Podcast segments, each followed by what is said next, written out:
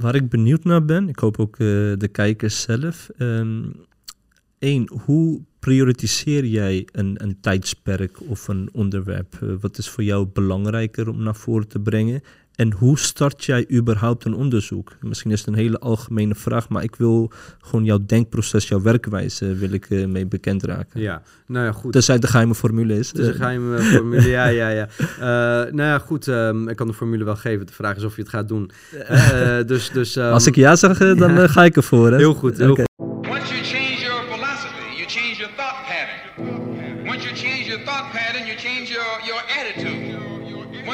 Your attitude, it changes your behavior pattern. And then you go on into some action. And then you go into some action. Assalamu alaikum wa rahmatullahi barakatuh, beste broeders en zusters. Wederom welkom bij onze podcast Dien en Dunja, want dien, dat moet je doen, ja. Vandaag wederom, ja, je hoort het vaak van mij, een hele bijzondere gast. Eigenlijk heeft hij geen introductie nodig, omdat hij de laatste tijd uh, nog meer bewogen is uh, aangaande de umma. Maar ik ga het toch doen. Ik heb uh, de broeder, had ik een paar weken geleden had ik, benaderd. We hadden een afspraak gemaakt. We hebben daarna telefonisch ook met elkaar gesproken om na te gaan welke onderwerpen wij kunnen tackelen. En uh, mashallah, de broeder was zo oprecht om gisteren even nog mij te bellen van ja, we hadden telefonisch met elkaar gesproken.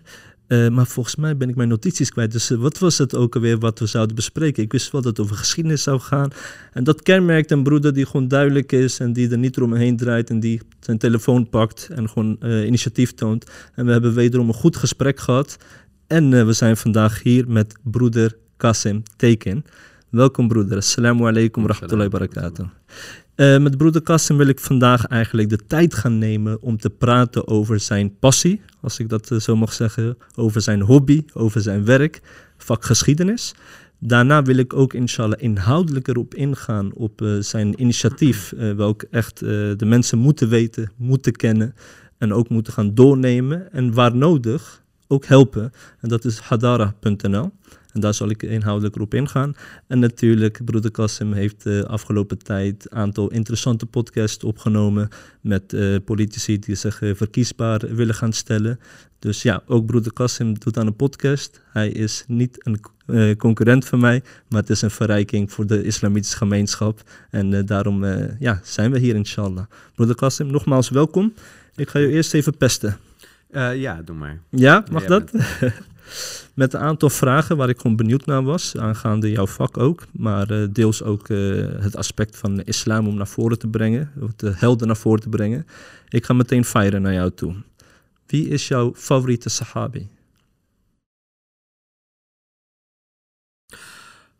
Abu Bakr.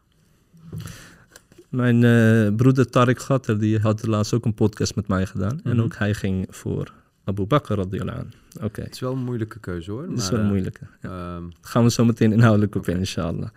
Uh, welke galif van de Khulafa al-Rashidin heb jij het meeste van opgestoken of vond je het meest interessant? Uh, niet zozeer als persoon, maar ook zijn tijdperk. Omar. Omar. Oké. Okay. En als laatste ben ik ook heel erg benieuwd naar. Ja, wie is de meest interessante persoon in de 20ste eeuw voor jou geweest? Op basis van geschiedenis en de politiek. 20ste eeuw? Ja. oh. um, de meest interessante persoon in de 20ste eeuw. Ja, dan zeg je me wat. Want um, ik heb me niet heel veel bezig... Ja, re relatief uh, niet heel erg veel bezig gehouden met de 20ste eeuw na de Tweede, uh, Eerste Wereldoorlog. Oké. Okay. Uh, maar...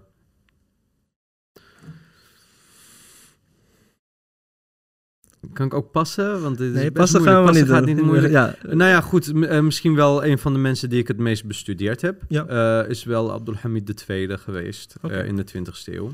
Okay. Ja, dus, dus dat misschien. Mooi. Sluit ook een beetje aan Blijven de wel campagne. Een bij leiders natuurlijk. Ja. Hè? Ja. Ja, ja, maar dat maakt niet uit. Ja, maar ik probeerde um, toch wel wat variatie meestal te brengen in, in onderwerpen. Maar ja, goed, laten we het nu voor het gemak houden daarop. Ja. Abdulhamid II, ja. rahimallah. Abu Bakr radiyallahu heb je gekozen als uh, ja, favoriete sahabi. Uh, van in ieder geval misschien de meest inspirerende voor jou. Wat zijn de beweegredenen? Ja, ja, dat is wel moeilijk hoor. Maar um, uh, Abu Bakr... radiallahu an krijgt misschien uh, vaak relatief eh, weinig aandacht vergeleken met misschien... Of hij is niet altijd de, de, de, het middelpunt van de aandacht, zeg maar. Ehm, omdat hij, eh, zeg maar, het is geen Omar die, weet je wel, een hele eh, explosieve eh, aanwezigheid heeft soms. had. Ja, ja. Ja, en ook qua aanwezigheid echt bovenuit blinkt. Maar het is, het is dan ook weer... Hè, hij, hij staat een beetje in de schaduw van de profeet, alayhi salatu. Maar hij is toch wel altijd degene geweest waar de profeet, sallallahu alayhi wasallam, de meeste waarde aan, aan, aan hechtte, zeg maar, weet je wel, op, op, op elk vlak. En we zien dat hij al voor islam altijd heel erg bezig was met goed nadenken en overwegen hoe of wat, weet je wel. En, en, en waar die, ehm, wat, wat zijn standpunt in het leven zou moeten zijn.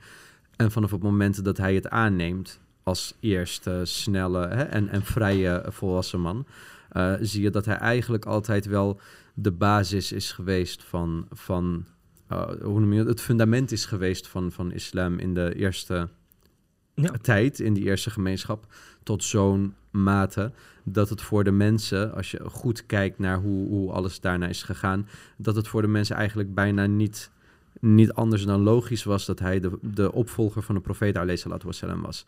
En aan sommige dingen, ehm, toen ik een beetje bezig was met het ehm, bestuderen en wat schrijven van wat dingetjes over hem en zijn tijd, zie je gewoon dat het lijkt alsof zeg maar zijn aanwezigheid de afwezigheid van de profeet een beetje verkoelde of lijkt te verkoelen voor, voor de rest, weet je wel. Dat, dat iedereen toch naar hem kijkt en, en dat zegt echt wel iets over zijn, ehm, over zijn status en, en wie hij eigenlijk wel niet was daar in die tijd, zeg maar. Ja, mooi beschreven om eerlijk te zijn. Ik denk dat het eh, niet zo vaak is belicht over zijn tijdperk voordat de islam kwam. Wat je eigenlijk ook heel mooi aangeeft, was hij al een principieel persoon. En had hij ook gewoon eh, controversiële meningen toen der tijd. Bijvoorbeeld, het was gewoon normaal toen der tijd om afgodsbeelden te aanbidden. Maar hij vroeg zich altijd af van, oké, wat maakt jouw God? Kun Mhm. je mij iets geven? Oh, je bent maar een beeld. Ja, Je stelt eigenlijk niets voor. Dus, ehm, hij ging niet zomaar mee in mee het denken met van de, iedereen. ja, Ja, en dat is in die tijd, het is bijna in elke tijd is dat wel uniek ten opzichte van de dominerende eh opvattingen in, die in welke tijd dan ook. ja. Dat van, ja, precies. En dat is wel iets heel erg kenmerkend. En ook zijn En het is- standvastigheid. En het is ook de belangrijkste kalif, denk ik, voor de hele geschiedenis. Eens. Want als hij niet was geweest... Zeg maar, hij is de eerste die... ehm, in de tijd van de profeet, wassalam, is iedereen... Is, is hij er nog voor iedereen, snap je? En hij is de eerste die, die, die het zonder profeten moet doen. Ja, de zware legacy moet gaan eh, pakken eigenlijk, eh, tot zich nemen. Ja, ja, ja, Dus naast het feit dat hij gewoon de, de boel heeft beschermd, samengehouden, ook nog eens heeft uitgebreid, zeg maar. En, en zelfs ook hè, ehm, het, het, in, het, zeg maar, de, de openbaring zelf heeft Stopt. beschermd. Ja, het, de openbaring stopt. Ja, en, nu en hij beschermt het ja, en, ja. en nu moet hij het zelf doen. Eh, dat is, zeg maar, als je er goed over nadenkt, is dat zo bijzonder dat je het nu voor het eerst moet doen zonder profeet. Klopt. En dat ook nog de aanvallen die daarna kwamen meteen. Nadat de profeet sallallahu alaihi overleed. Mhm. Ja, eh, all bets are off. Heel veel mensen die gingen toen ja, afvallig worden. Nou, de vijanden zagen ruimte. En, ja, en zij probeerden gewoon de gilafa eigenlijk dan eh, kapot te maken eigenlijk. En dan ben je nog standvastig. Ja, moment, en, en als je een beetje door hebt, zeg maar, ehm, als je goed kijkt naar ehm, de onderbouwing van veel mensen in die tijd, waarom ze ehm, zich afzetten tegen, weet je, het betalen van de zakat en dat soort dingen. Kijk, sommigen gingen gewoon achter een nieuwe soort profeet, profeet, aan. een valse profeet. Ehm, ja. Heel veel anderen die keken de kat uit de boom. En, en je ziet zelfs onder sommige goede mensen dat het zoiets was van... Oké, de profeet wassalam is er niet meer. Wat nu? Hoe gaan we nu verder, zeg maar? Weet je wel? Dus, eh, en, en dat, dat escaleert op een gegeven moment. Je ziet ook in bepaalde gedichten die mensen tegen Abu Bakr en, en de moslims daar hebben. Weet je wel, in die strijd Ja. heb je gedichten en die gedichten zijn overgeleverd. Als je kijkt naar wat daar wordt gezegd en hoe, waarom ze onderbouwen, waarom ze in opstand komen. Dat, ik wil niet zeggen dat het niet kwaadaardig is, maar het is altijd, het is wat complexer dan we denken. Eh, want heel veel mensen, zelfs posit- zeg maar mensen die nog mee wilden gaan in hè, ehm, het volgen van, eh, van, Abu Ba- van, van Abu Bakr. Eh, en in het volgen van Medina, laten we het zo zeggen. Zelfs zij hadden in sommige plekken nog zoiets van: oké, maar De profeet salam is het niet meer. Wat is nu de bedoeling? Is het de bedoeling geweest dat we met z'n allen verder gaan? Is het de bedoeling dat we jou blijven volgen? En eh, in die hele, eh, ehm, zeg maar, onduidelijke periode is hij degene met zijn mensen, maar vooral hij die echt begrijpt hoe het zit en ook echt waarde hecht aan bepaalde zaken. Hij weet waar die waarde aan moet hechten en wat de verschillen in status zijn van, van um, in zwaarte zijn van bepaalde zaken. Ja. Echt een leider, een echte politicus. Um, ja, ook, ja, ook, maar islam inhoudelijk ook Inhoudelijk, zelfs, weet ja. je wel. Dus, dus ja, dat is gewoon heel fascinerend om, om, om je mee bezig te houden. Maar het is niet altijd even spannend, maar het is wel heel, uh, heel belangrijk. Ja. Zeker, duidelijk. Tweede vraag, de Khulafa Rashidin. Al heb je nu deels juist heel veel gesproken over Abu Bakr radiallahu ook als gelief zijnde, maar je hebt toch gekozen voor de periode van Omar ibn Khattab radiallahu de tweede gelief. Ja, Eh, hij heeft volgens mij, ja, naast, na Uthman was zijn periode het langst van de Khulafa al-Rashidin. Wat vond je zo bijzonder aan de tijd van Omar ibn Khattab radiallahu als leider? Ehm, wat, wat, wat hij doet is. ehm, de profeet sallallahu alayhi wasallam heeft een heel ehm, heeft een religie wil ik niet zeggen, hij heeft een dien gebracht, een volledig systeem zeg maar van zeg, een, een nieuw wereldbeeld en een volledig systeem hoe dat zou moeten werken. En Abu Bakr die is die heeft zich eh, die, die is voort gaan bouwen op wat de profeet wasallam bracht. Maar hij heeft niet de luxe en de tijd gehad om dat, ehm, om, om dat nog veel verder uit te breiden. Tweeënhalf dus- jaar was het. eh, Ja, en in die periode. 2,5 jaar is hij heel erg bezig geweest met de boel op orde houden, met de harde basis leggen, de fundamenten leggen. Ehm, eh, als er zakat kwam, dan ging het net als bij Abu Bakr, ging het gewoon, het was nog niet zoveel, weet je wel, en, en buiten was nog niet zoveel dat hij daar instituties mee kon opbouwen. Klopt. Het werd gewoon gelijk eh, verspreid naar degene. De eh, processen waren niet het geavanceerd. bedoeld was. Ja, Ja, er, wa- ja. er waren weinig processen, eh, pro- processen zeg Ja. maar. En ehm, wanneer Abu Bakr alles zo stabiel heeft gekregen, is het Omar ibn Khattab die, ehm, er- die nu de luxe heeft en de positie heeft en de macht heeft om te laten zien waar dat systeem van islam toe in staat is, zeg maar. En om dat daadwerkelijk uit te bouwen. En hij doet dat ook op zo'n ehm, zo'n nou ja, geweldige manier, als het ware. Dat, dat hij als, als leider eh, blijft wat een leider zou moeten blijven in de visie van islam. En Hm. tegelijkertijd leiding geeft zoals dat zou moeten, ehm, eh, implementeert zoals het zou moeten, zeg maar. Eh, en dat wordt hem ook heel erg in dank afgenomen door eigenlijk alle gebieden die, eh, die hij verovert, weet je wel. Ehm, eh, dus, dus op die manier, eh, of, of in die zin, tien jaar lang is hij wel het boegbeeld van wat de essentie van leiderschap zou moeten zijn. Eh, van islamitisch leiderschap zou moeten zijn. En, en daarna gaat het ook bergafwaarts, eh, Ja. zeg maar. Ja, kun je stellen, zeker. Eh, al hebben sommigen, ja, de eerste periode van Osman Radilan, zes jaar was het ook nog. Maar, heel veel mensen zeggen ook, dat is voortbordurend op die van Omar ibn Khattab. Nee, nee, Uthman deed het ook geweldig. Geweldig, ja. Maar niet zoals Omar. Nee, weet je wel? nee. Eh, Twee verschillende karakters ook. Ja, en ook de manier van, weet je. De vraag is ook, had Uthman kunnen doen wat Omar heeft gedaan? Hè? Bepaalde karakters en mensen kunnen iets maken wat anderen niet kunnen maken, zeg Ja. maar, bij iemand, weet je wel? Ja. Dus, dus eh, ondanks dat je... mm, We hebben eigenlijk zo goed als geen kritiek op eh, Nee. de manier waarop het zeker heeft niet. gedaan. Maar je kan niet zeggen dat dat is wat Omar heeft gedaan, zeg Nee, maar. klopt. Qua karakter, qua status, qua wijsheid, qua alles, zeg maar, was Omar echt wel Ja. heel erg bijzonder. Voor sommigen was het ook een verademing, hè? Eh, want eh, de, eh, het beleid van Osman Radiallahu was weer suitable voor anderen. Want heel veel mensen voelden zich ook natuurlijk beperkt door Omar, Omar ibn Khattab Radiallahu anh. Maar dat was puur om, het, om de staat ook echt te behouden. En dat was ja, de kwaliteit van Omar ibn Khattab Radiallahu anh, om ervoor te zorgen dat het team gewoon hecht is. Dat de policy gewoon duidelijk is. En dat ja, iedereen eigenlijk echt onder hem gewoon goed werk verricht ten faveur van de dien. Ja, ja. Dus, dus hij was daar wel heel erg goed in. En je kan zeggen van, oké, moet dat zo direct van mens tot mens zoals hij dat deed? Of kunnen we daar regels uithalen van Ja. hoe een, een, een, een overheidsbeleid in elkaar zou moeten zitten? Dat is Dat, dat, zijn, da- dat zijn diepere studies daarnaar. Ja. Maar ehm, ja, daarom heb ik wel eh, voor hem gekozen, zeg maar. Ja. En als laatst, je moest er even over nadenken. Je wilde zelfs eh, passen. Maar eh, Ja, uiteindelijk heb ik gekozen voor Abdul Hamid II. Ja, dat is iemand die ik behoorlijk veel heb moeten onderzoeken in mijn eh, scriptieperiode, zeg maar. Dus dan ga je een bepaalde affiniteit ermee krijgen en je gaat hem ook eh, eh, anders begrijpen. Maar je gaat zijn tijd ook anders begrijpen. En The floor is yours.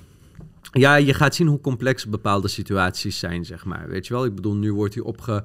Of hij, wordt door, door ehm, eh, een beetje de anti-islam kant eh, eh, in, in, ehm, in, in moslimlanden, zeg maar, altijd wel zwart gemaakt. In Europa wordt hij zwart gemaakt.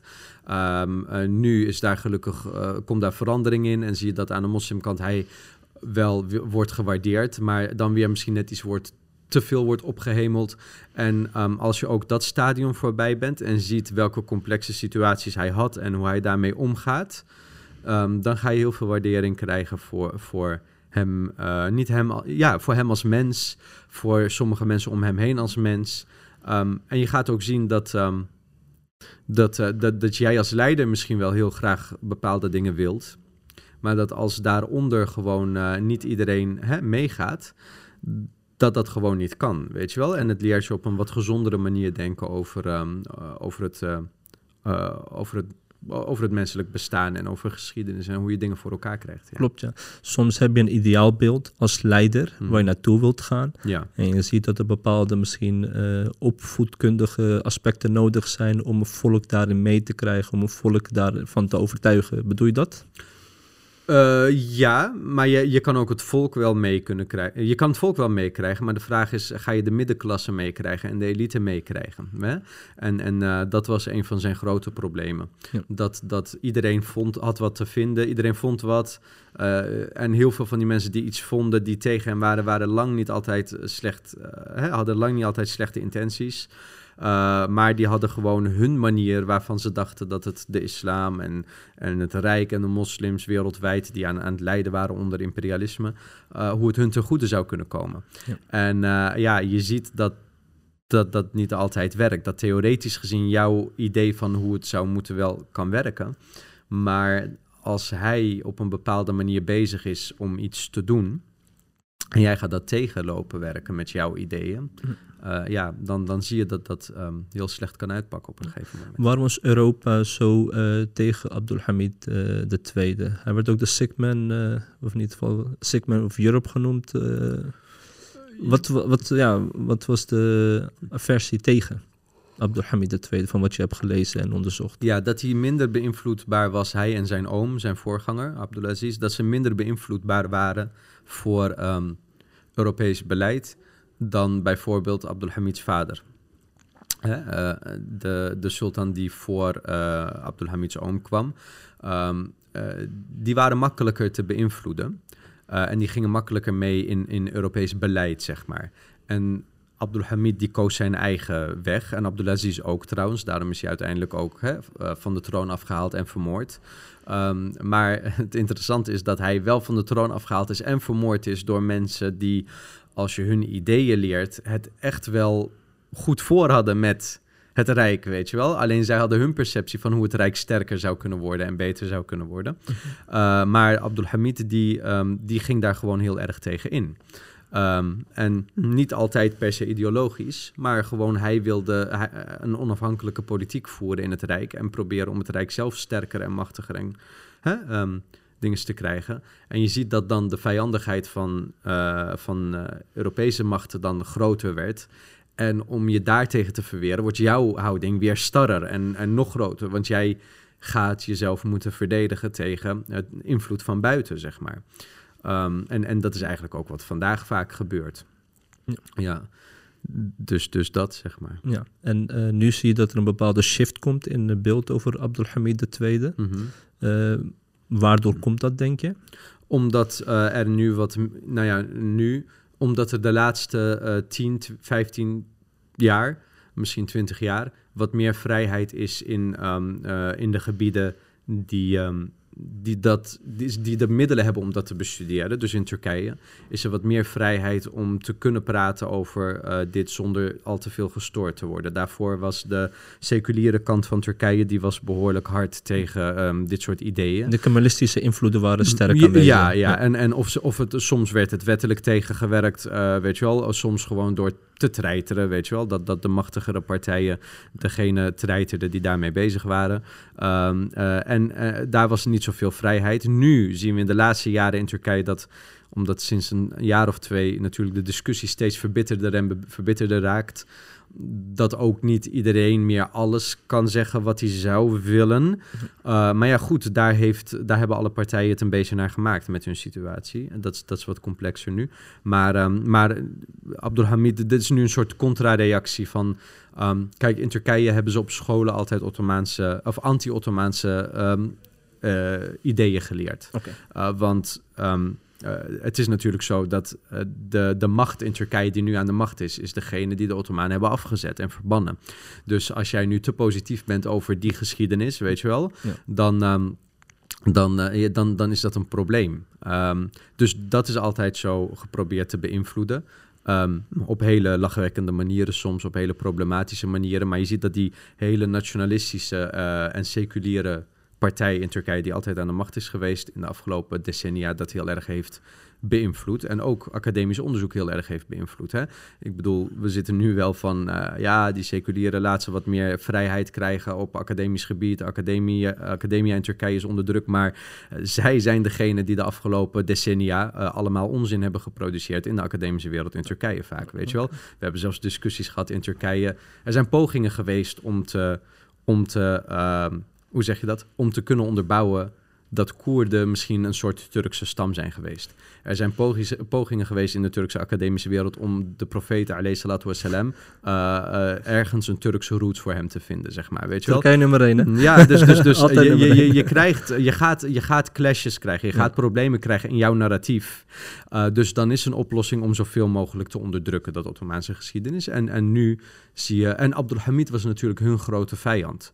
Ja. Um, wat veel mensen niet snappen is dat de politiek van vandaag in Turkije is niet iets nieuws. Het is voortborduren op een strijd die al 200 jaar speelt in Turkije. Uh, een politieke strijd, zeg maar. Een strijd van ideologieën. Sommige logo's van politieke partijen zijn nog de logo's van bepaalde groepen die toen hè, uh, heel erg op zijn gekomen. En nu, of de afgelopen decennia, zijn altijd de seculiere, uh, de, of ja, de, de partij waar Atatürk, zeg maar, hè, um, de school of de ideeënstroming waar Atatürk uit is gekomen, die zijn heel erg aan de macht geweest. En, en nu zie je dat de, degenen die nu een beetje aan de macht komen, um, dat dat niet altijd, of ja, dat dat degenen zijn die proberen weer dat idee te verdedigen waar die groep die toen aan de macht was tegenstreed, zeg maar. Dus ja. wat dat betreft is het een beetje ingewikkeld hoe het in Turkije allemaal zit. Uh, mm -hmm. Maar dat maakt, zeg maar, als je Abdulhamid leest en als je er diep ingaat en, en, en, en um, de tijd goed bestudeert, dan leer je wel waarderen wat hij wel voor elkaar heeft gekregen. Mooi. Ja. mooi. On that note uh, wil ik uh, deze boek ook aan jou overhandigen als uh, cadeau. Het boek heet How the Khilafah Was Destroyed van de Sheikh Abdul Qadim al-Zaloom. Heb ik hij, niet, dus... dus ik uh, hoop dat je van lezen houdt, volgens mij wel. ja, wel. Ben benieuwd. Ja, dus uh, het is uh, geschreven door de tweede amir van Hizb ut-Tahrir. Oké. Okay. En dus als je wat dingen ziet, interessant vindt, laat mij vooral weten. Um, wij gaan ja, van deze mooie inleiding over de drie vragen gaan we weer terug naar de basis. Volgens mij zijn wel heel veel kijkers kwijt, hè? want het is wat stoffig geworden. Daar gaat het ons niet om. Daar gaat het, niet. het gaat erom dat eigenlijk de boodschap is voor de mensen die daarin geïnteresseerd zijn. En wij willen eigenlijk eigenlijk de gemeenschap juist elevaten naar een bepaalde level. Mhm. En ik merk dat ook op basis van de initiatieven die jij hebt getoond en toont, Mhm. uh, dat wij eigenlijk uh, de gemeenschap naar de next level willen gaan brengen. Dus uh, ja, als we kijkers hierdoor verliezen, so be it. volgens mij is het een grote verlies voor hun. Dus, maar dat maakt in principe niet uit. Um, Jij bent docent uh, geschiedenis, uh, ja, je bent een onderzoeker, je bent uh, heel erg bezig met historie. Eh, was dat met de paplepel ingegoten bij jou vanaf dag één van die kinderjaren of is dat echt gaan groeien? Ik heb het wel altijd heel interessant gevonden. ik was er ook altijd goed in op, op school. Um, geschiedenis, religies, dat soort hè, maatschappelijke vakken. Uiteindelijk um, ben ik er op de middelbare school heel erg goed in geworden. Um, en, um, en, en begon ik ook bijlessen te geven en, en, groepen mensen voor te bereiden op hun eindexamen en dat soort dingen terwijl ik op de middelbare school zat. Daarna ben ik iets anders gaan doen, um, uh, een jaartje, maar toen zag ik van nee, geschiedenis is toch wel echt wat ik leuk vind. En, en, en als er andere dingen zijn die ik niet leuk vind, dan werk ik daar ook minder hard aan. Ehm, dus ben ik ehm, eh, de docentenopleiding geschiedenis gaan doen. En daarna heb ik, eh, eh, ben ik doorgegaan eh, aan de universiteit met geschiedenis en daarna een master. En, en, en ja, nu ben ik bezig met, ehm, met eigen onderzoek. Ja, Mooi. Ja, sprong ook meteen maken naar eigen onderzoek, Hadara, hadara.nl. You gotta check it out. Het is, echt het is een, nu even offline, maar binnenkort komt hij weer online. Ja, precies. Maar check wel de YouTube-kanaal, er zijn een aantal video's. Eh, waarin eh, we zien dat de broeder en zijn team gewoon eh, hun best doen om bepaalde kennis eigenlijk over te brengen. Mhm. die gewoon noodzakelijk is, inshallah. Ehm Hadara.nl. waarom, wie, wat, waar? Wat is het belang van Hadara.nl? Ja, het, ehm, het idee ehm, is eigenlijk dat als je iets heel leuk vindt en, en, en daarmee bezig bent, eh, en als er veel onderzoek is gedaan naar bepaalde onderwerpen, dan, dan wil je dieper en dieper en dieper gaan. Maar de vraag is, wie heeft daar nou echt wat aan? Hè? Ehm, andere academici hebben er wat aan, want die kunnen daar wel natuurlijk weer hun eigen onderzoek op voortbouwen. Dus wat dat betreft eh, hou ik er wel van om dat soort dingen te produceren waar anderen weer mee, verder mee kunnen.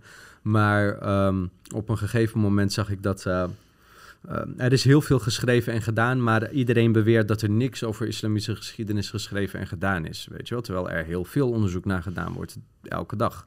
Ehm, en wat blijkt is dat dus die kennis of die informatie is gewoon niet toegankelijk genoeg voor het grote publiek. Ehm, en daarom ehm, was het mijn idee om te zeggen van oké, geschiedenis is belangrijk voor identiteitsvorming, voor weet op een gezonde manier denken over wie je bent. eh, hè, en, en, en, en, je bouwt ook gewoon voort op een bepaalde beschaving. Ik bedoel, we volgen een religie die ehm, eh, 1400 jaar geleden is geopenbaard.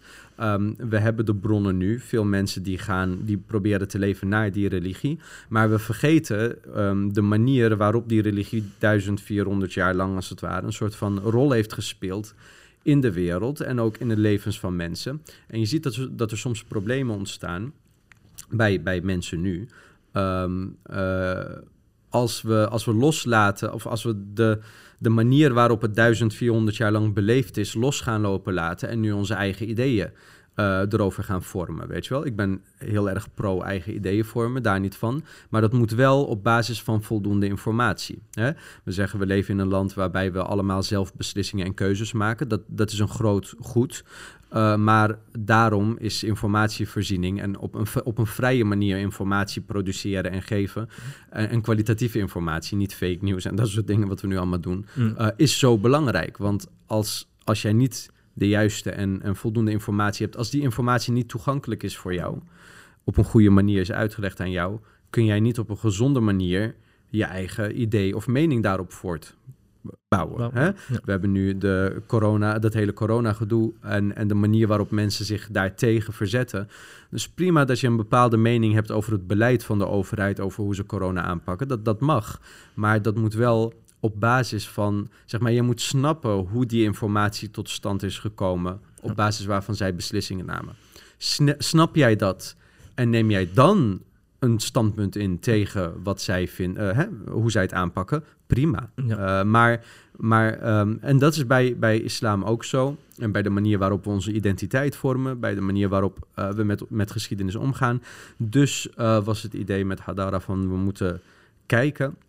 En ik bedoel, er is genoeg geschreven. Er zijn honderden of duizenden boeken en, en artikelen en onderzoeken erover. Hoe gaan we die kennis pakken en toegankelijk maken voor het grote publiek? Ja. Um, en, en daar zijn we nu heel erg um, uh, weer onszelf aan het... Uh, want het is nu een paar jaar bezig.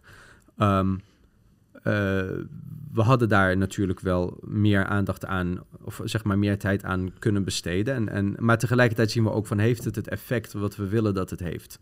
Als ik een mooi lang artikel schrijf... leest iedereen dat artikel... Uh, en dan is er ook nog de vraag van... heeft het artikel het gewenste effect? Snapt men hoe ze die informatie kunnen uh, implementeren in hun dagelijks leven. Of niet direct implementeren. Moet dus getriggerd worden überhaupt. Worden ze wijzer van ja. wat ik zeg? Dat, ja. dat is de vraag. Ik ja. heb wel eens dingen die ik heb geschreven... gebruikt zien worden op manieren waarvan ik denk van... Oh, zo had ik het helemaal niet bedoeld, weet je wel? Dus... Um, en, en, en het is nu een kunst om steeds nieuwe manieren te bedenken om die informatie toegankelijker te maken. Mhm. Of door filmpjes, of door artikelen, of, of door lessen. Hè. Lessen, uh, dat helpt gewoon heel erg. Dus eh, gaan we nu weer steeds meer lessen en, en webinars en seminars geven. Dus ehm, ja, dat, dat is het nu eigenlijk. Dus als ik het goed heb eh, kunnen, eh, hopelijk kan ik het goed samenvatten, is het dat je een bepaalde grote gat ziet tussen de informatie eh, die er is versus eh, hoe het naar de mensen moet worden toegebracht. En daarin wil Hadara eigenlijk eh, de middleman in Mhm. zijn om ervoor te zorgen dat de berg aan kennis, informatie en geschiedenis wordt, dat er een vertaalslag wordt gemaakt Ja, naar de gemeenschap toe ja. zodat zij eigenlijk hierin worden ontwikkeld, wijzer worden. En dat betekent niet dat je een bepaalde narratief naar hun eh, wilt gaan overbrengen, maar jullie zijn gewoon echt een, een, een team vol met wetenschappers, historici, die ervoor zorgen dat het toegankelijk wordt voor de Ja, gemeenschap. dat klinkt heel groot. Helaas zijn we nog niet zo'n groot team vol Ja. met wetenschappers en historici. Maar ik heb wel een aantal mensen om me heen die dus hè, die zich Ja. veel met geschiedenis hebben bezig gehouden. Ja. Die mij dan ook af en toe helpen en, en eh, eh, in ideeën begeleiden en zo. En, en van informatie voorzien. Eh, maar hopelijk wordt het in de toekomst een team van meer historici. Want er zijn nou eenmaal best wel wat weinig mensen die zeggen van... Ik heb en eh, het onderzoekende deel gestudeerd... eh, en ik weet hoe ik moet lesgeven, dus eh, ik weet hoe ik kennis moet overbrengen. Dus ik wil die schakel zijn. Die zijn er weinig nu, Ja. als het gaat om islamitische geschiedenis. Ehm, eh, en we zijn ook bezig met het produceren van die informatie. Dus daar is wel informatie, maar dat is niet altijd informatie waarvan we zeggen...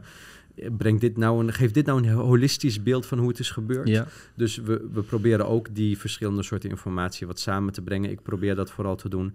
En dan een wat holistischere ehm, eh, en voor ons geschiktere eh, hè, vertelling van vroeger Ja. naar de mensen over te brengen. waar ik benieuwd naar ben, ik hoop ook eh, de kijkers zelf. Eén, hoe prioritiseer jij een, een tijdsperk of een onderwerp? Eh, wat is voor jou belangrijker om naar voren te brengen?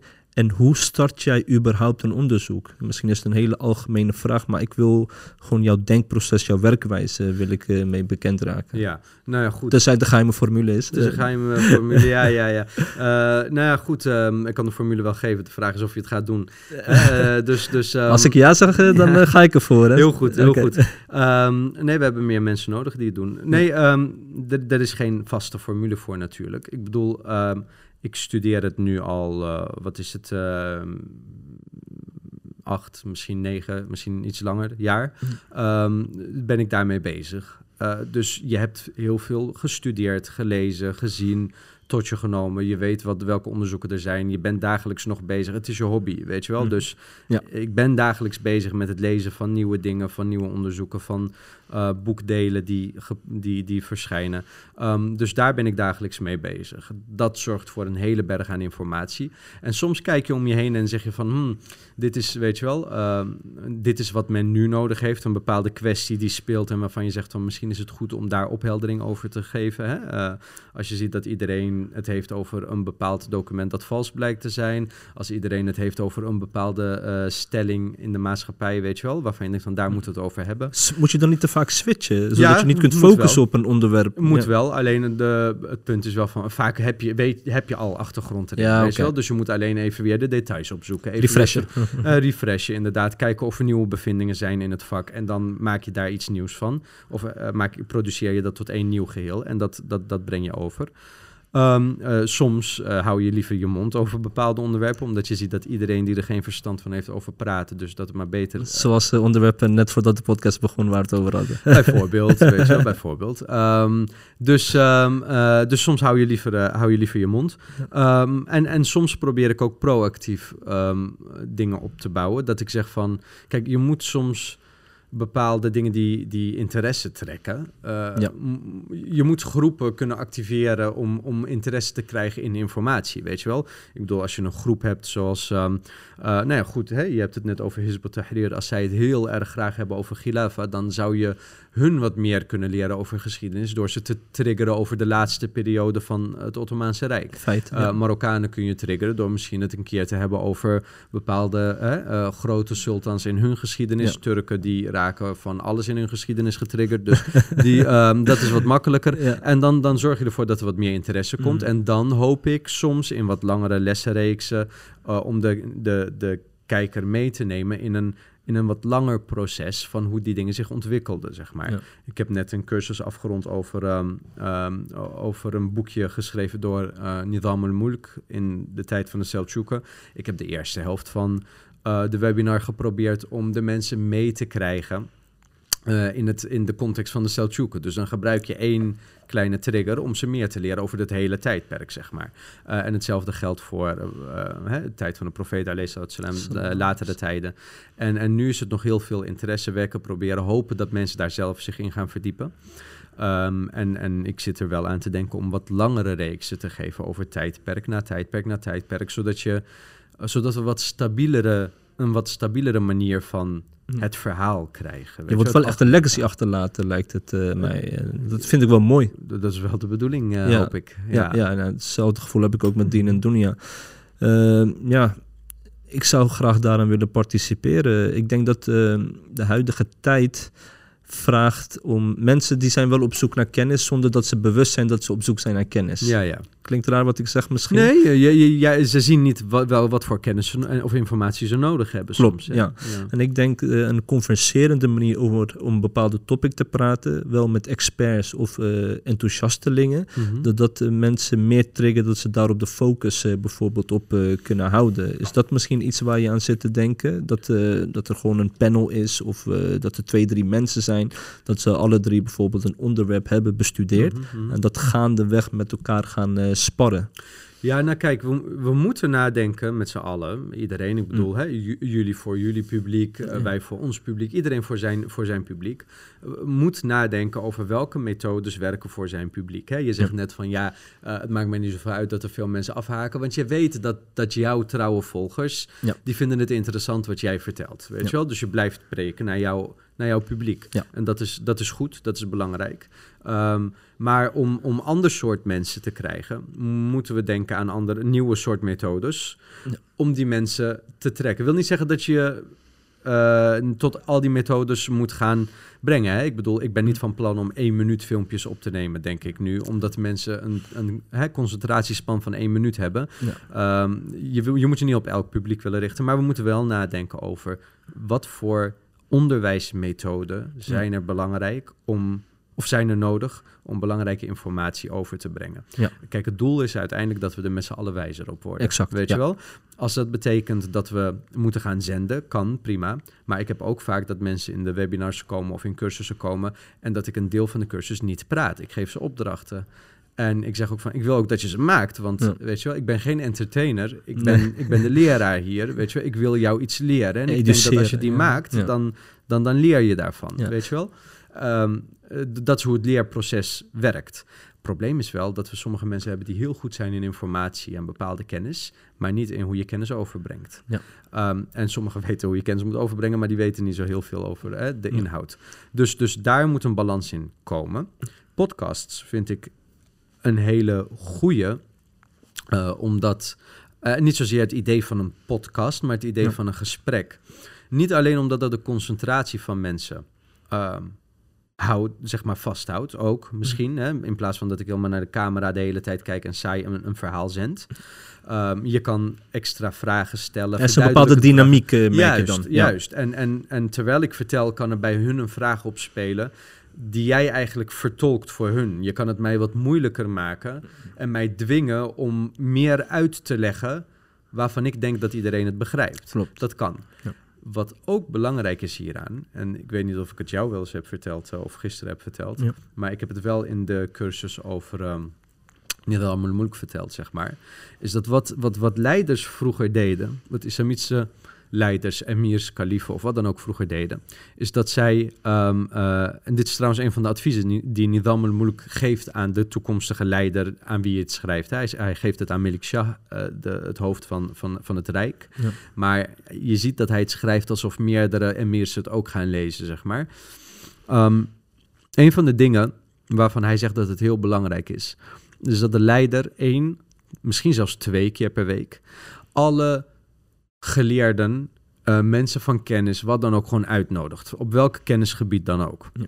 En hij, hij zegt dan een aantal dingen, hè, zonder je dan af van, van de wereld. Luister even naar wat ze te zeggen hebben. Laat ze, tef, laat ze jou tafsir vertellen. Laat ze jou hè, eh, de, de sunnah vertellen. Laat ze jou vertellen over de heersers van vroeger. Mooie verhalen, et cetera. Luister naar alles, zodat je er wijzer van wordt.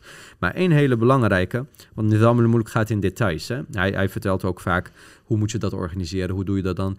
En één belangrijke die hij daar aangeeft en die heel veel leiders gedurende de geschiedenis dat hebben gedaan, is hij zegt laat ze met elkaar in debat gaan. Nodig tegenpolen uit.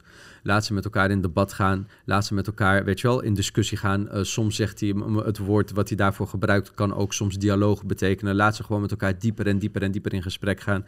Niet een vooropgezet plan. Soms ook gewoon echt hè, vijanden tegen elkaar van onder de geleerden, want dat kon gebeuren. Laat ze tegen elkaar in, debat gaan. Je ziet dat hij dat deed. Je ziet dat, um, ik bedoel, in Marokko was het heel gebruikelijk. Een, een Ibn Rushd bijvoorbeeld is iemand die altijd aan het hof daar bijna welkom was om in debat te gaan en dingen te gaan, weet je wel. Um, uh, wanneer Ibn Battuta het hof beschrijft, vertelt hij ook dat uh, een van de mooie kwaliteiten van de, leiders, uh, van de leiders van Marokko is dat hij iedereen uitnodigt en met elkaar in discussie laat gaan, et cetera. Ik bedoel, dat is, een, dat is iets, wat, wat, iets wat veel leiders deden, al sinds de vroege tijd, zeg maar. Zeker. Ja. Um, wat is hier het voordeel van? Jij bent iemand, zeg maar, jij als leider, of, of, of als iemand die verantwoordelijk is voor een groep, ja? Jij bent niet per se iemand die die mensen moet willen beïnvloeden, misschien met jouw idee of jouw idee moet willen opleggen. Door te, door, zeg maar, zowel hij valt onder jouw verantwoordelijkheid als hij valt onder jouw verantwoordelijkheid. Het is niet dat je alles goed praat hoor, wat de ene zegt tegen de andere. En er mogen ideeën zijn waarvan je zegt met z'n allen van mm, dit zijn problematische ideeën. Ja. Maar door ze met elkaar in debat te laten gaan, leer jij als toeschouwer, um, zeg maar, jij leert verschillende dingen. Jij leert bijvoorbeeld misschien vrede te hebben met dat dat zijn onderbouwing is tot het komen naar die conclusie en dat dat zijn onderbouwing is tot het komen naar die conclusie. Waardoor jij als leider misschien minder geneigd raakt, of als verantwoordelijk of wat dan ook, minder geneigd raakt naar uh, het fanatiek steunen van een van die ideeën. Weet je wel? Duidelijk. Tot zo'n niveau dat je de andere misschien gaat, want als je machtig bent, ga je de andere... Hè, uh, Verketteren of verbannen. Of, of dat soort dingen. ja. Je leert te, het... Je leert in te zien waar hun ideeën vandaan komen. Je leert vrede te hebben met een, een, een, diversiteit aan ideeën. Nogmaals, niet dat je altijd alles goedkeurt, maar je snapt bepaalde dynamieken in jouw volk. Je snapt hoe je daar rekening mee moet gaan houden. We zien nu bijvoorbeeld heel erg, dat vind ik jammer, dat um, bepaalde groepen of commissies of wat dan ook, die nu machtige instellingen adviseren, ja, dat wordt allemaal vanuit één paradigma geschreven, weet je wel. En, en je hoeft het niet eens te zijn met, en dat heb ik jou volgens mij ook wel eens gezegd, wij zijn het waarschijnlijk over heel veel zaken niet eens, hm. maar ik snap wel waar jullie redenering vandaan komt. En, hm. en, en, en ik kan er vrede mee hebben dat je bestaat, weet je wel. En, en dan kun je ook uh, gerichter zeggen van, nou, hier en hier hebben we een probleem, weet hm. je wel. Um, en ik... En ik denk dat daarom dit soort manieren van met elkaar in gesprek gaan heel belangrijk zijn. Hetzelfde met, um, met de paar podcasts die ik tot nu toe heb opgenomen. Ik ben het misschien absoluut niet eens met iedereen die tot nu toe in mijn uh, podcast is geweest. Maar ik probeer wat tegengas te geven, maar het is geen debat. Nee, precies. Snap je? Als precies. het een debat was geweest, dan was ik misschien doorgegaan. En dan was ik misschien niet tevreden geweest met sommige antwoorden. Maar het is wel een soort tegenargument dat speelt bij heel veel mensen op sociale media, op dat soort dingen. Het moet wel een keer gezegd worden. Als je dan nog een bepaalde onderbouwing hebt, als je, als je, als je op dat moment zegt van hé, hey, inderdaad, met dat argument heb je gelijk. En je zegt sorry. Nou, prima. Prima, ja. Als je dan geen sorry zegt, maar je hebt een eigen onderbouwingen tegen. Voor de anderen is dat misschien ook zoiets van, hmm, nou ja, ja, prima. Als, als dat de manier is hoe hij kwam tot dat. Ja. Weet je wel? Je kan het een so plekje geven. Ja, zo so be it, inderdaad. En, en daarom is dit misschien een methode ja. die, um, die kan helpen in de nabije toekomst om, om iedereen wat, wat meer informatie Ja, ik ben zo'n type van als ik ergens van overtuigd ben, dan wil ik meteen overgaan eh, naar een plan. Maar Mhm. hierbij doe ik alvast een handreiking naar jou toe. Als je een bepaalde interessante onderwerp hebt, welke je op een podcast voor wilt gaan doen, geef mij wel enkel onderwerp aan welke boeken je hebt gelezen, dan ga ik meelezen. En Ja. dan kunnen we daar altijd de interactie over voeren en je bent eens. gewoon welkom eh, daarin. Nee, dat, eh, dat, eh, dat waardeer ik, ja. Ja. Alhamdulillah, ik zie wel dat er behoorlijk wat, wat eh, handreikingen zijn en wat hulp is. En, en eh, ik waardeer het ook. Soms word ik gebeld. alleen onze handreiking is anders. Hè? En jullie handreiking is altijd beter dan de handreiking van een ander, ze- zegt iedereen dan inderdaad. Maar wat wel eh punt is, is dat ehm, eh, op dit moment is de grootste, eh, hetgene wat de meeste tijd en energie rovert, is het produceren van die kennis. Hè, onderzoek doen, lezen kost gewoon zoveel tijd. Onderzoek En- lezen wil ik, ik wil graag echt een onderdeel zijn, omdat ik echt overtuigd ben van het belang van hadara.nl. Ja, ja. Dus Nou, hierbij. Heb ik Kijk het gezegd Waardeer en ik ik neem heel woorden niet terug. Ja, waardeer ik heel erg. Nee, Ja, nee, heel ja. erg. ik denk dat het gewoon belangrijk is. Eh. Ik denk dat de Oema dit gewoon mist. Eh, en ik vind dat de Oema dit ook gewoon moet steunen. Dus eh, mijn... steun heb je hierin. Ik wil wel teruggaan naar een, een heel mooi punt wat je aangaf, dat een leider ook ruimte geeft, dus zoals Nizam al-Mulk. En ik moest meteen denken aan eh tijd van, eh, ja, in ieder geval het staat in de boeken, eh, tijd van Akbar, de emperor in Hind. Hmm. Hij had ook een, een instituut en die is nog steeds bewaard gebleven, waarin ook verschillende geleerden bijeenkwamen. Dus Mhm. eigenlijk dezelfde setup als wat jij nu hebt aangegeven. En eh, op een gegeven moment eh, ja, eh, was hij van het padje af. Zoals we misschien wel weten, had hij toen een nieuwe religie had hij verzonnen. En dat zijn policy bestond uit van oké, laten we het gewoon mixen met hindoeïsme, islam, jodendom, christendom. En dit is zoals de wereld eruit moet zien. Eh, waardoor mensen eh, beweren en ook bevestigen dat hij een, eh, een niet-moslim is. Maar het is wel grappig dat zijn leger juist heeft gevochten tegen mijn stam. Oh, Waardoor mijn stam deels ook moslim is geworden. kijk eens. It's a funny thing, man. Dat is geschiedenis, snap je? Dus Ja. ik weet niet, moet ik hem dankbaar zijn of niet? I don't know. Alhamdulillah, Ja, ik ben moslim. Eh, dus, dus dat zijn allemaal dingen waarvan ik denk van ja, eh, ik vind dat er een, een, een kenniscentrum moet zijn, zoals de vroegere eh, geleerden en ook vroegere leiders dat ook hebben gedaan. Maar het kan ook een negatieve impact hebben, omdat het denken van een leider kan beïnvloeden. En als we kijken naar bijvoorbeeld de tijd van de profeet Mohammed sallallahu alaihi wasallam en de Khulafa al-Rashidin en daarna, ik denk dat zij never nooit tegen het idee zijn geweest van laten we gewoon eh, contemporaries, gewoon tegengestelde mensen met elkaar in debat laten gaan, zodat de waarheid kan zegevieren. De enige kaders wat ik wel terug heb gezien in islam, is het feit dat de dien dient te zegevieren als ideologie. Dus daarin kan er geen discussie. Mag je een discussie over voeren, maar je mag het niet zozeer verspreiden. Want de leider heeft ook een bepaalde verantwoordelijkheid naar de gemeenschap toe. Als ik dat misschien wat eh, beter eh, mag toelichten. Ehm, dus er moet harmonie zijn in de maatschappij. Dat is eigenlijk een verantwoordelijkheid van een leider. Mhm. Hoe die harmonie moet zijn, welke visie, dat is een andere discussie. Maar laten we uitgaan van dat islam de beste oplossing heeft eh, voor de mensen en dat daarin harmonie moet zijn. Als je ziet dat er discussies ontstaan eh, en dat een onderwerp niet islamitisch is, maar wel de over, eh, dat het wel gaat domineren binnen de gemeenschap, waardoor een probleem kan ontstaan en dat er rebellie kan ontstaan of dat de verkeerde ideeën van islam worden verspreid middels debat, dan moet de geliefde daar een beslissing in nemen om de harmonie te bewaken. En elke leider zou dat eh, doen. Want de- zijn visie moet worden uitgevoerd. Toch? Mhm. Of zie je dat eh, anders?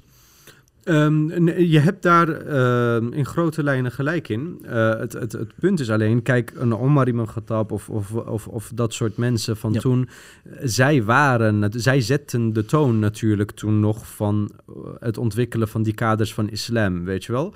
En, en, en, en hoe je dat dan ten uitvoer brengt. Het is wel voorgekomen dat Omar zich liet tegenspreken door mensen Ja. die bij hem kwamen en zeggen, nee, maar dat wat jij doet is geen islam, dit is islam. En dat hij ook zei van, oh, eh, is dat inderdaad zo? Bevestigd bij andere mensen en En klopt. dan zo, ja. En dan neemt hij het. Goedkeuring, Ja, dan neemt hij het. Ehm, ik snap jouw punt heel erg hoor. En zo'n al-Mulk waar ik het over had, die was enorm bezig met een strijd tegen andere ideologieën in zijn tijd. Hè? Ehm, dus nou, hij, hij heeft ook dingen als dat, dat hij, hij, hij promote heel erg de Shafi'i madhab en de Hanafi madhab en eh, het eh, idee, eh, zeg maar, de, theo of de denkkaders van, ehm, van, eh, van de Ash'ari groep, zeg maar als wapen tegen bijvoorbeeld op dat moment de Batinis die heel erg opkwamen en de Fatimiden die bezig waren en Hassan Sabbah en noem het maar op. Daar, daar was hij heel erg mee bezig, tuurlijk. Dus hij pleit ook niet voor eh, inderdaad, weet je wel, laat iedereen maar promoten en doen en zeggen wat hij wil. En dat zeg ik absoluut ook niet. Nee.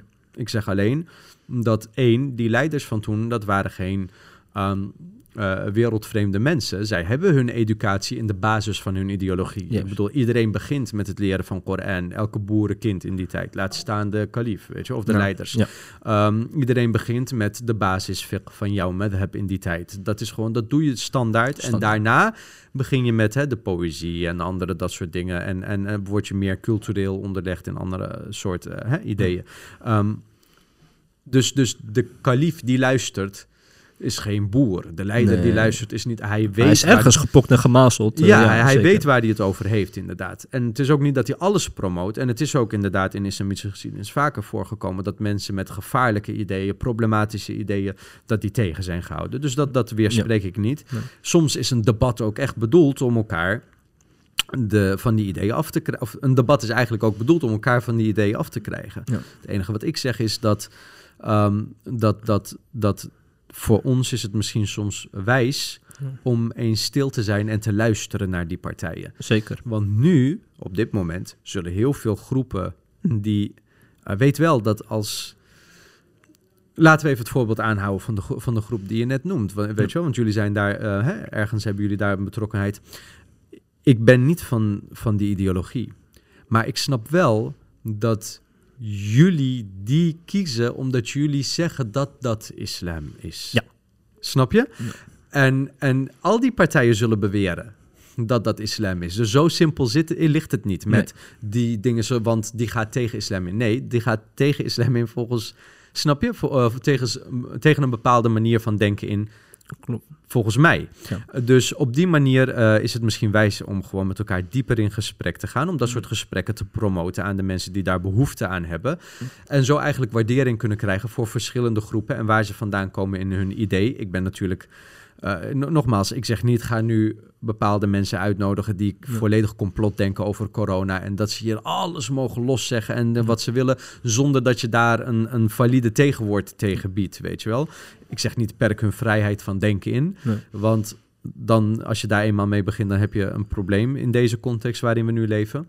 Maar, ehm, maar ik ben niet van het iedereen mag maar alles handelen op elk idee wat hij heeft. Ja. Ik zeg wel van, er moet misschien wat meer informatie komen vanuit verschillende kanten, dat we die snappen en dat we daardoor een wijzer en weloverwogener idee Zeker. krijgen van hoe, hoe we nu verder moeten gaan met z'n. Ja, klopt. Ik denk eh, dat de islam eh, nooit eh, verlegen is geweest om haar ideologie of haar filosofie ja, on the table te brengen, zodat het kan worden bediscussieerd. Wat we wel zien in de Khilafa is dat wanneer een leider zich gaat bemoeien en zijn eigen, hoe zal ik het zeggen, niet zozeer zijn eigen, eigen zienswijze, maar bepaalde details van de Aqidah gaat opleggen aan de mensen, dan ontstaat er eh, chaos. Zoals ten tijde van Ahmed ibn Hanbal werd het gewoon bijna Ja, hij, is verplicht. een, hij is een goed voorbeeld Ja. van een kalif waarbij zijn voorgangers eh, de traditie hadden om mensen tegen elkaar te laten debatteren. Juist, ja. Waarbij de kalif zelf nu opeens Een te veel in- ja. overtuigd raakt van die ene groep die begint ja, ja. te debatteren. Het is lang niet zo geweest dat de hele umma zeg maar, daarin meeging. Maar hij, je gaat dan wel gevaarlijke dingen krijgen. Met Ja. Akbar was bijvoorbeeld ook een van de problemen. Dat inderdaad op een gegeven moment gaan bij hem de remmen los. Waardoor hij... Kijk, ik snap dat de, de hindoes die hij overneemt... die komen met bepaalde ideeën. Ik snap dat die hindoes op dat moment het fijn vonden van... Weet je wel, eh, wanneer hij komt met... ja, het is een nieuwe religie waarbij we alles mixen... dat die hindoes zoiets hebben van... ja, ja, doe maar, Doe maar. want dan la- laat je ons met rust. Maar die hindoes die zijn daar, staan daar totaal niet achter. Die vonden dat ook een idioot idee, weet Ja. je wel. Alleen, Ja. voor hun kwam dat pragmatisch beter Goed uit, ja. ja. ja, maar niemand in die tijd van de intellectuelen. Ja. Daarom zie je ook, Ak- Akbars idee heeft nergens echt basis Grond Ja. Nee. Niemand in die tijd van die intellectuelen had zoiets van, dit is goed. Nee. De moslim-intellectuelen hadden zoiets van, waar ben je mee bezig? De hindoe-intellectuelen hadden zoiets van, nou ja, je bent gek, maar doe maar wat je... Hè, Ja, laat het komt ons- goed uit. Ja. het komt ons goed uit, weet je wel. Maar niemand is daarmee in zee gegaan, weet je wel. En hij was, hij was op machtig genoeg om dat even vol te houden voor zijn overlijden. Ja. Hoewel ik me niet heb verdiept in of hij ook echt op dat idee zo is overleden. Maar dat, dat, dat, daar, dat zouden we even een keer moeten doen. Ja. Snap je? Maar eh, dat, eh, eh, het moet wel intellectuele kaders hebben. Ja. Ik wil, het is geen, het, is, het, het geeft geen blijk van, van vooruitgang dat we nu met z'n allen weer gaan discussiëren over of de aarde plat is of niet. Ja. Snap je? Duidelijk. Ehm, je hebt een aantal podcasts gedaan eh, vanuit jouw naam en ook vanuit de organisatie Hadara. Eh, met, je hebt met eh, Arnold van Doorn gesproken, je hebt met Noord El gesproken. En ja, er was een bepaalde mate van kritiek, niet in, in veelvoud. Wa- Wat ik volledig niet deel, is dat je bij ene meer kritisch bent geweest dan de ander.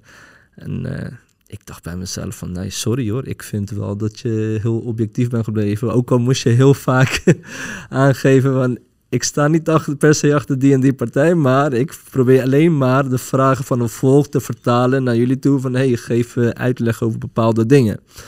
Ehm, wat heb jij het meest geleerd van eh, de discussies of de gesprekken die je hebt gevoerd met beide heren? Ja, nou, hoe, hoe erg er behoefte aan is. Hoe erg er behoefte aan is dat, dat heel veel mensen die tegen iemand zijn of tegen een idee zijn, dat ze ehm, hun kritiekpunt wel, dat het gehoord wordt. Hè? Ik heb het ook, ik heb eentje met Azedin Karat gehouden bijvoorbeeld. Ja. Ehm, na die podcast eh, heb ik, zeg maar, het doel daarvan was niet om iedereen lid te maken van de, ehm, van, van, de, van de islamomroep, weet je wel? Ik bedoel, het doel was om, om als je lid wil worden of als je geen lid wil worden, om dat in ieder geval op basis van goede informatie te doen. Een juiste onderbouwing voor Ja, jezelf. Ja, eigenlijk. precies. Doe, als je iets doet, je moet aan het, eind van de, aan het eind van de rit moet je wel tegenover Allah kunnen verantwoorden van ja, ik heb dit gedaan omdat ik dacht dat het zo en zo goed was. Weet je wel? Ehm, eh, en, en tegenover jezelf heb je die verantwoordelijkheid. Doe dat op basis daarvan. Met Azedin en, eh, en ook met eh, Arnoud en Noordin trouwens, toevallig ook, heb ik vanuit verschillende eh, hoeken, ehm, eh, vanuit verschillende landen, vanuit verschillende steden hier in, in Nederland, weet je wel, wel Nederlanders natuurlijk in verschillende landen, Ehm, en zelfs vanuit verschillende imams en, en sprekers en predikers heb ik of belletjes of appjes of wat dan ook gehad, of voiceberichten gehad, eh, waar ik heel blij mee ben, waarvan ze zeggen van, kijk, eh, je hebt nu gezegd waar ik dus al die tijd mee zat, weet je wel? En nu, ene zegt van, nu ga ik hem of hem wel steunen. Nu ga ik hem of hem eh, nog steeds niet steunen, maar het is gezegd en ik snap het nu. En ik ga in ieder geval niet hem of, haar, eh, hem, of hem, ja, tot nu toe heb ik alleen maar hem gehad. Eh, ik ga hem in ieder geval niet meer tegenwerken. Dat heb ik bij alle drie de sprekers gehad. Ja. Van, ik snap nu dat die persoon niet kwaadaardig is. Dat dit het idee is achter die persoon, weet je wel? Ehm, en natuurlijk heb je ook kritiek gehad van, ja, je was bij de ene kritischer dan bij de andere. Maar één, het is geen debat geweest. Eh, twee, op de ene is gewoon meer kritiek geweest dan de ander. Ander. Maar je Eh, probeert ook niemand echt een En, en, drie, te duwen. ja, en, en drie, sommigen hebben zich gewoon echt goed kunnen verdedigen op bepaalde punten. Eh, of ik er nou van overtuigd ben of niet, weet je wel, het is geen debat. Nee. Eh, ze hebben nu kunnen zeggen wat ze willen. En ik had op, som, op, op, op een gegeven moment soms ook van, oké, nou ja, als dit het antwoord is wat je wil geven. Prima, zo ben je, bent verder gegaan. Ja, je hebt één, twee keer heb je het gevraagd. Je hebt sommige onderwerpen ben je wat dieper op ingegaan. En ik zag wel aan jouw lichaamstaal dat je zoiets had van... oké, is goed. Het is niet een hele volledige antwoord. Ik denk dat het publiek anders op zou reageren. Maar laten we verder gaan als iemand in herhaling valt. Dat vond ik wel goed van je. Ja. Ja, ja, dus, dus, dus dat is een beetje het doel geweest hiervan. Ja. Eh, en, en ik hoop dat dat zo... eh, kijk, soms wil je ook gewoon... Soms heb je zoiets van, nou, ik wil jou wel steunen. Mm. Bijvoorbeeld bij Azedin Karat was dat ook het geval. Ja. Maar ik wil je wel gezegd hebben dat dit en dit wat je hebt gedaan, dat het gewoon niet door de beugel Mhm. En dat kun je, als je dat op Facebook doet en typt, Hm. en je hebt niet het idee dat het bij hem echt aankomt of wat dan ook, dan blijf je anti zo'n persoon. Nu is het soms gezegd. En daar is een antwoord op gegeven, maar daarna is het nog een keer gezegd van ja, maar weet wel dat dit en dit. En ik heb echt veel meer mensen gehad dat die nu zeiden van nou, nu heb ik het een plekje kunnen geven en ik heb me ingeschreven als, als lid, Ja. weet je wel. Of ik heb het een plekje kunnen geven, ik ga niet meer hem zwart maken. Nee, bijvoorbeeld. Ja, Bijvoorbeeld, ja, ja. ja, ja. Ik wil niet zeggen dat alle gesprekken die ik binnenkort ga doen, of hè, wil doen, dat het dit soort gesprekken zijn. Ik wil gewoon diepere gesprekken hebben, waarbij we wat vragen en tegenvragen hebben, waarbij we bepaalde kwesties naar voren kunnen brengen, zodat het helder wordt voor ons. Mooi, mooi. Ja. En ik hoop eh, dat jullie echt daarin eh, slagen, inshallah. Inshallah, Ja. dankjewel. Hoe vond je de podcast gaan? Deze. Ja. Eh, ja, je hebt eentje gedaan ook voor Isa. Toch? Ik heb eh, met Isa, geleden. eh, ja, ja, ik heb met Isa twee gedaan. Eentje twee. over toen de eh, school en één over mijzelf. Ja. Eh, ja, ik, eh, aangenaam. Je, er was niet echt zo'n. eh, het was niet een heel kritisch gesprek natuurlijk. Dus, Nee. nee, Wilde maar- je dat dan? Nee, dat Nee, was waarschijnlijk ook niet de bedoeling. Nee, het was anders dan mijn podcast. Ja. Maar ik, ik, kom graag als, als het kan, als het uitkomt. uitkomt Ja. Want het is best druk. Dan kom ik graag een bijdrage leveren. Inshallah. Nee, voor mij is het gewoon heel simpel. Voor mij staat de persoon, zoals ik ook telefonisch had aangegeven, staat gewoon centraal. Mhm. Zijn missie, zijn visie, zijn drive. En hopelijk wordt eh, de energie van de persoon ook overgebracht naar de gemeenschap toe. Want ik krijg vaak wel eh, berichten, mails en eh, appjes van ja. Oké, omdat ik die podcast heb gevolgd, durf ik nu wel die onderneming te starten. Mm. Of durf, durf ik nu wel een YouTube-video te maken om bijvoorbeeld de profeet Mohammed sallallahu alaihi wasallam te beschermen. Mm. Ehm, ik denk dat wanneer wij vaker ook ja, in beeld zijn, natuurlijk heeft het ook zijn valkuilen, maar ja, de ikhlas, eh, dat is iets tussen jou en Allah subhanahu ta'ala, zeg ik altijd. Mhm. Daar heb ik niks mee te maken. Ik wil gewoon dat de informatie out there is. Maar wanneer mensen onze dynamiek zien, en je hebt ook aangegeven, misschien hebben wij heel veel eh, verschillen met elkaar, al denk ik dat onze verschillen eh, heel weinig zijn, maar dat terzijde. Maar dat de mensen toch wel zien dat moslims met elkaar kunnen converseren, communiceren en dat ze ook moslims kunnen inspireren om een bijdrage te leveren aan de maatschappij. En ook een bijdrage te leveren aan jezelf, omdat je veel meer in jouw mars hebt dan wat je nu laat zien. Mm. En dit is eigenlijk echt de insteek eh, van Dien en Dunya. Mhm. Dus dan wil ik gewoon een reeks van broeders spreken ja, ja, die in mooi. verschillende gebieden actief zijn. Nou zie ik dat jij met je podcast meer actief bent om eh, echt eh, de actualiteiten eigenlijk ook meer te belichten. Dat iemand in... in, in, de- in de nabije toekomst je gaan ook, Ja. ook wat niet actuele dingen. ja, ja, oké. En eh, daarin eh, sta ik ook gewoon open om samen te werken. Dat we ook elkaar zijn netwerken kunnen uitwisselen. En gewoon gebruik kunnen maken van onze kwaliteiten die wij hebben. Om eigenlijk eh, ja, de omma te faciliteren. Ja. Dus eh, nogmaals bedankt daarvoor. Ik, ik, ik waardeer iedere, eh, ieder aanbod heel erg. Het aanbod wat ik nu graag iedereen toe wil oproepen, of niet iedereen, niet te veel, want anders blijft er geen werk meer voor ons over. Maar eh, ehm, eh, ga wel ga geschiedenis studeren. Hè. Ja, hebben, zeker. en, en vooral ook misschien geschiedenisonderwijs, weet je wel, hoe je, hoe je bepaalde dingen kan overbrengen.